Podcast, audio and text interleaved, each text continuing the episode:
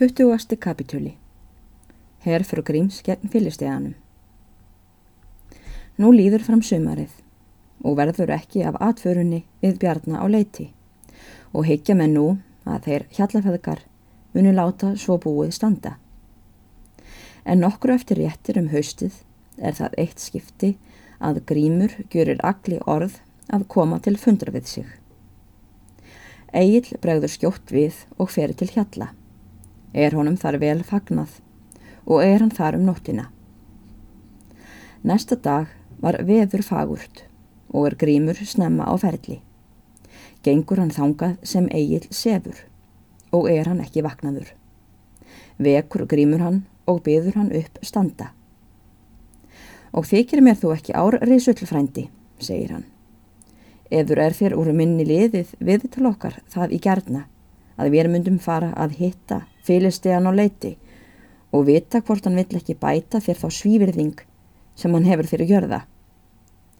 Mun þessi dagur verða honum dagur grimdarinnar, dagur hörmunga og eimdardagur storms og vinda, eins og spámaðurinn Sofanías að orði kemst.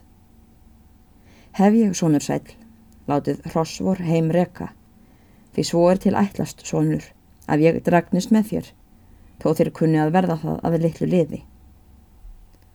En láttu vera til leppana mína, kona, þó ég kirkji búi mig nú ekki í þessar ferðir.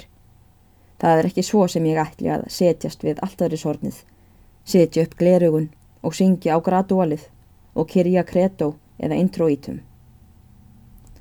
Kona Gríms andæfti ekki, en mumlaði þó eitthvað í halvum hljóðum um það að hún heldi að þessi för myndi vart verða til mikillar fræðar eða neytsemi. Snýr grímur þá málinu til hennar. Veltir vöngum, gengur fram á mitt baðstofuloftið, spennir greipar og segir. Hef ég ekki sagt þér það, kona, að venja þig af þessu nöldri?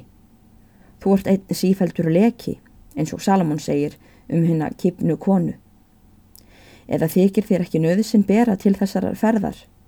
Eða hefur þú ekki heyrt Móaps bryggsl yrði og spottanir Ammons barna með hverjum þeir svívirtu mitt fólk. Kona Gríms gekk þegjandi burt og svaraði engu, en kom bráðum aftur og lagði född nokkur er hann skildi klæðast í á rúm þeirra hjóna og tekur Grímur þau og skrýðist. Egil klæðist og skjótt eru þá hestar á hlað komnir. Egil reið grána en Grímur meðhjálpari reið hesti og var sáfættur brún að lit. En með því hann var gamall mjög og ekki yngri en grímur sjálfur, er hann var tannfí hans, voru víða dotnir á hann blettir og skáldað af hár allt. Var hann því tilsýndar að sjá sem hann væri skjóttur. Söðull gríms var þannig að setan í honum var úr bláu vaðmáli og gagnstönguð og útróðin kálfshári.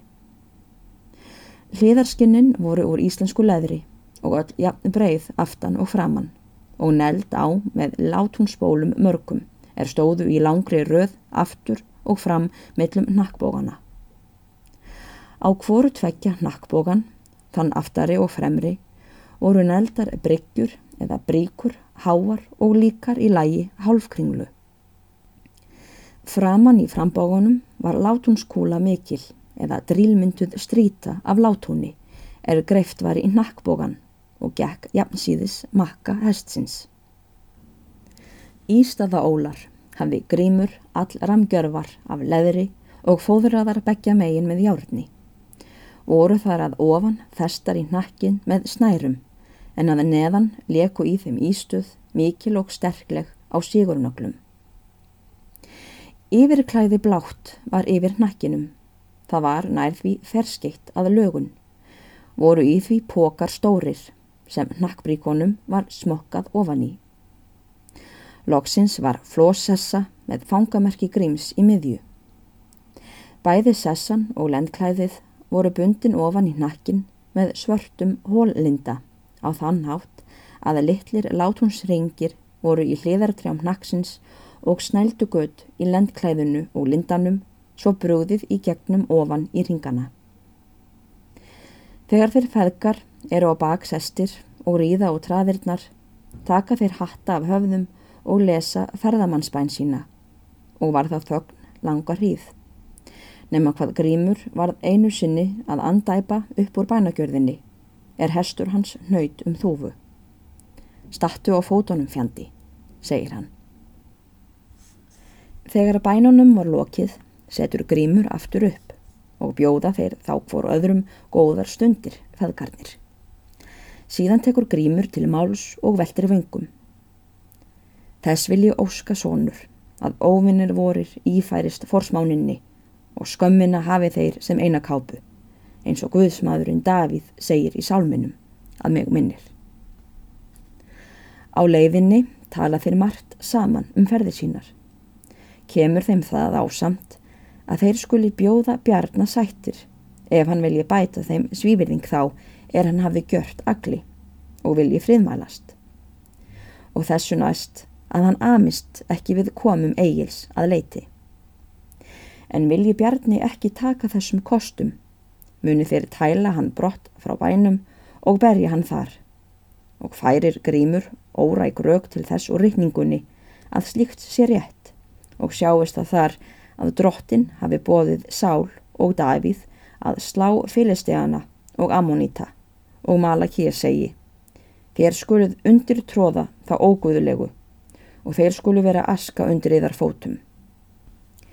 Gjöra þeir nú ráð sín hvernig þeir skuli haga atgöngunni ef orusta tækist. Hvað grímur að Egil skildi ganga framan að bjarna en sjálfur myndi hann veita honum bakslettu nokkra ef áþyrti að halda.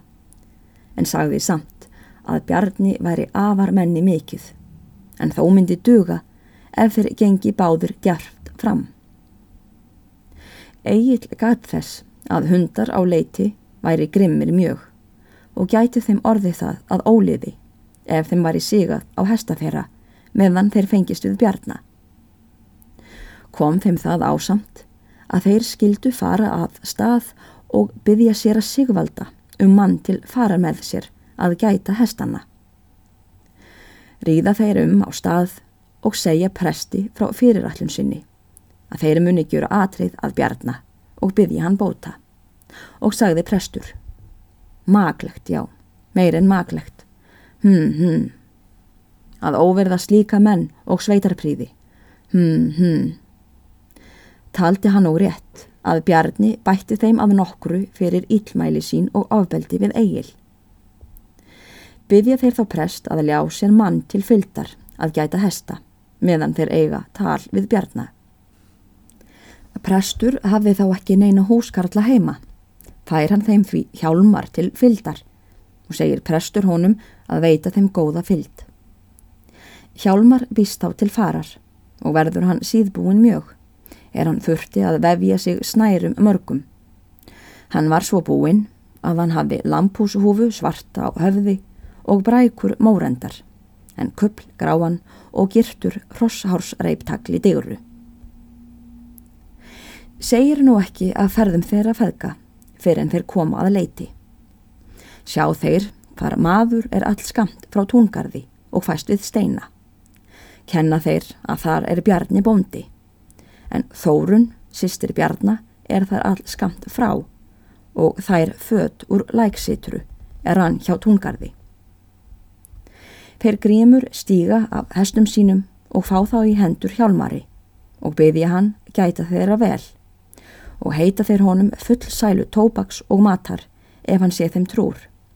En sitja skal hann hjá viðskiptum þeirra bjarna, nema svo ólíklega kunni til að bera að þeir gjöru honum vísbending eða sóknin verði ógreið. Þykir þeim feðgum nú vel í veiði bera er þeir hitta bjarna úti, því torsótt hafa öll afaramenni orðið inni, segir Grímur. Ganga þeir Grímur þangað sem Bjarni er og tekur upp grjótið, segir Grímur við Egil.